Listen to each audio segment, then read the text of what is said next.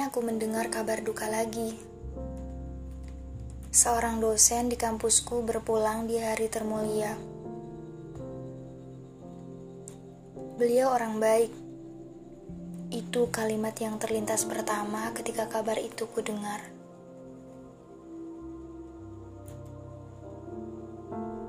Beliau tinggal di Bandung, tapi mendapat amanah mengajar di berbagai tempat, termasuk kampus kami di Ciputat. Untuk mengajar kami, beliau melakukan perjalanan puluhan kilometer setiap saatnya. Lelah letih perjalanan itu anehnya tak membuat beliau mengeluh, apalagi menyerah.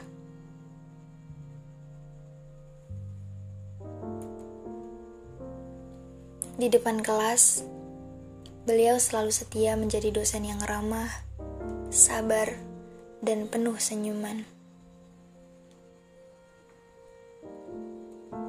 Beliau orang baik. Tak terhitung berapa kali kalimat itu ku dengar hari ini. Saat mengajar, beliau beberapa kali telat mendapatkan konsumsi.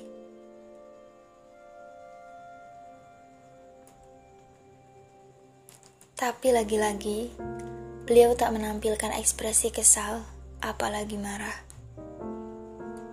Beliau bahkan tak mencoba meminta bantuan kami demi kebaikannya.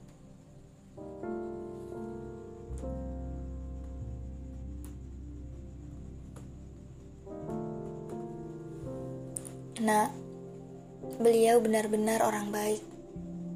Saat seseorang menyebut namanya, yang kuingat hanya wajahnya yang teduh, senyumnya yang tulus, juga kesabarannya dalam menyampaikan ilmu pengetahuan.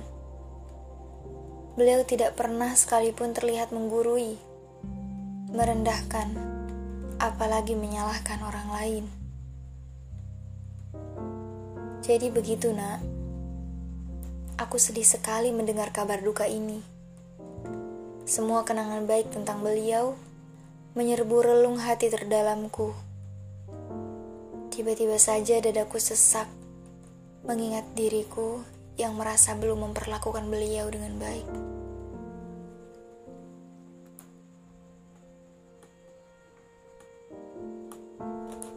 Andai saat itu aku lebih peduli.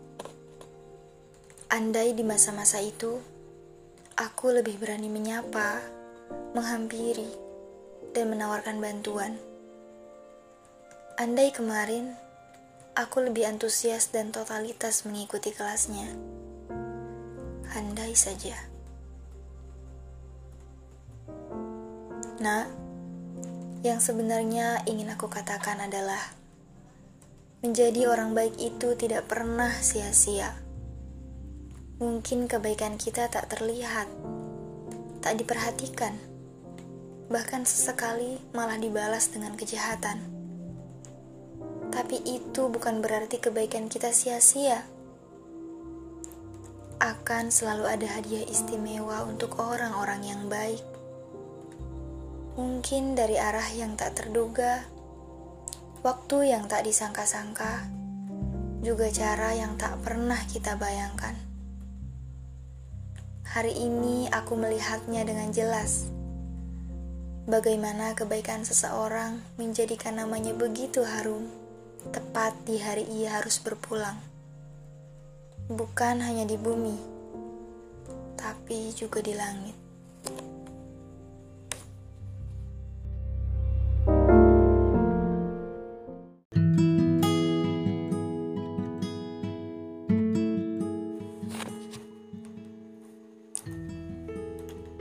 Hai nak Selamat malam. Aku ingin bercerita tentang pandemi yang masih terus melanda bumi. Tahun lalu, hampir setiap hari kabar duka singgah di telingaku.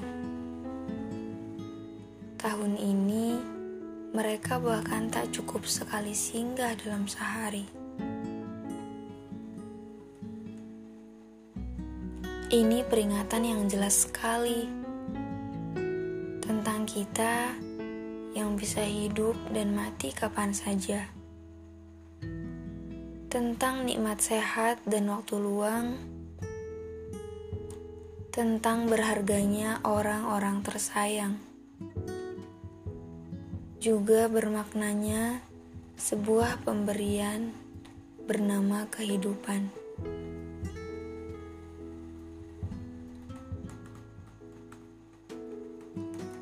Nah, aku tak tahu kapan pandemi ini akan berakhir. Beberapa orang malah bilang, mungkin saja pandemi ini tak memiliki akhir. Tapi, seandainya suatu saat pandemi ini berakhir,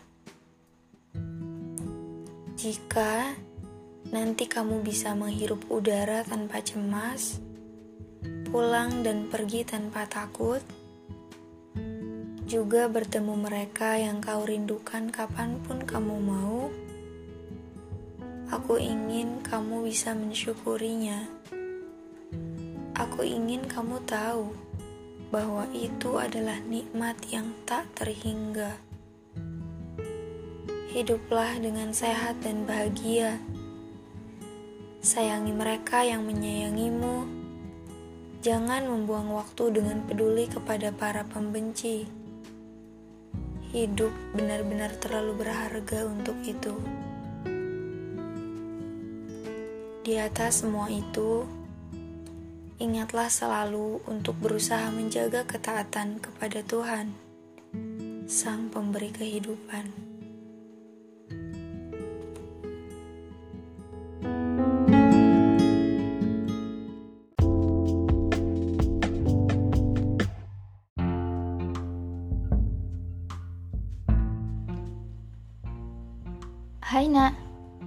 Kamu tahu cerita-cerita Abu Nawas tidak? Kalau tidak, biar ku ceritakan salah satunya. Suatu hari di kota Baghdad, Abu Nawas sedang mengajar para muridnya. Kemudian, datang seseorang untuk bertanya kepadanya. Wahai Abu Nawas, bintang itu kecil atau besar? Abu Nawas menjawab, Kecil. Kamu bisa melihat sendiri betapa kecilnya bintang di langit. Orang itu puas dengan jawaban Abu Nawas, lalu pergi. Selanjutnya, datang orang kedua yang juga memiliki pertanyaan. Bintang itu kecil atau besar? Abu Nawas menjawab, besar. Ada banyak penelitian para astronomi yang menyatakan ukuran para benda langit itu. Orang kedua tersenyum dan segera mengangguk puas. Tidak lama kemudian, datang lagi orang ketiga yang lagi-lagi menanyakan hal yang sama. Bintang itu kecil atau besar? Abu Nawas menjawab lagi, Bintang itu besar, tapi kecil. Orang itu bertanya, "Kenapa?" Ukurannya memang besar, kata Abu Nawas. Tapi ia akan selalu kecil dibandingkan kebesaran penciptanya. Orang ketiga akhirnya tersenyum dan pamit pulang. Itulah Abu Nawas, Nak. Satu pertanyaan yang sama bisa dijawab dengan tiga jawaban yang berbeda. Beliau bukan hanya cerdik dan unik, tapi juga bijak. Sebenarnya, cerita ini belum selesai, tapi sengaja kupotong karena bagian inilah yang menarik perhatianku tentang keterbatasan penglihatan manusia. Apa yang kita anggap kecil bisa jadi besar dalam kenyataannya. Apa yang kita anggap terang bisa jadi gelap pada hakikatnya. Segala yang ditangkap oleh mata bisa jadi bukanlah kebenaran satu-satunya. Ada terlalu banyak kemungkinan-kemungkinan yang mungkin tak terfikirkan sama sekali.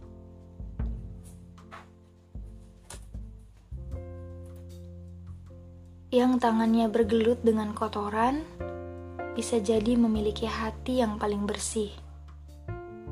Yang kamu lihat sebagai sosok paling suci, bisa jadi memiliki hati yang paling keruh.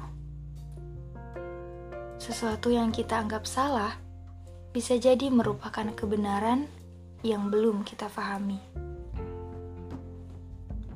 Hanya orang-orang bijak yang mengetahuinya butuh banyak ilmu untuk memahaminya, butuh banyak waktu untuk mengingatnya, dan butuh hati yang bersih untuk menerimanya. Jangan takut jika kamu kesulitan mempelajari ini. Semua orang merasakan hal yang sama. Tentu saja aku termasuk di dalamnya. Ingat saja satu hal, Nak Jangan mudah menyimpulkan, membenarkan, apalagi menyalahkan. Karena apa yang kita lihat sungguh bukanlah segalanya.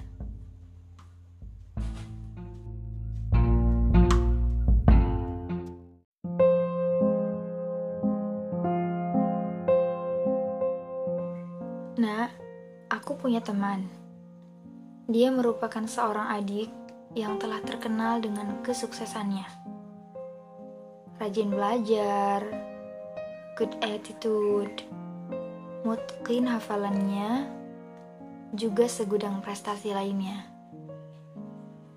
Tentu saja menyenangkan bertemu dengan sosok seperti itu. Tapi setelah mengenalnya, aku perlahan menemukan hal-hal yang aneh tentang masa lalu yang telah terpendam lama, tentang tuntutan berat yang memaksanya mendewasa, juga tentang berbagai kesedihan yang selalu tersembunyi dengan sangat tertata. Aku berkali-kali merasakan hatinya bersedih saat wajahnya sedang tertawa. Bukan sekali dua kali, aku mendapatinya menunjukkan keceriaan ketika sebenarnya ia sedang kesepian. Saat itulah aku menyayanginya. Aku ikut sedih ketika harus melihatnya sakit. Aku ikut bahagia jika ia bisa tertawa dengan jujur. Tak ada yang lebih membuatku lega Selain topeng yang ia kenakan, akhirnya terbuka sedikit demi sedikit. Hari ini aku merindukannya. Kurasa ia sedang bersedih bertemankan kehilangan. Dia tidak akan menangis karena itu bukan kebiasaannya. Ia lebih suka diam berpikir, merenung, juga menuliskan diksi-diksi penuh makna. Tidak ada yang tahu maksudnya, hanya sedikit yang bisa memahaminya. Ia memang lebih jauh muda, umurnya memang lebih muda jauh dariku. Tapi bebannya selalu teramat lebih berat. Andai aku bisa ada di sana, aku ingin menemaninya melalui berbagai kesedihan. Aku akan melakukan apa pun untuk membuatnya menangis dan tertawa. Mungkin memang tidak menghilangkan luka, tapi setidaknya dia bisa melakukan apa yang seharusnya. Nah, dia memang selalu hebat di mata orang lain. Tapi dia lebih sering terlihat sedih di mataku.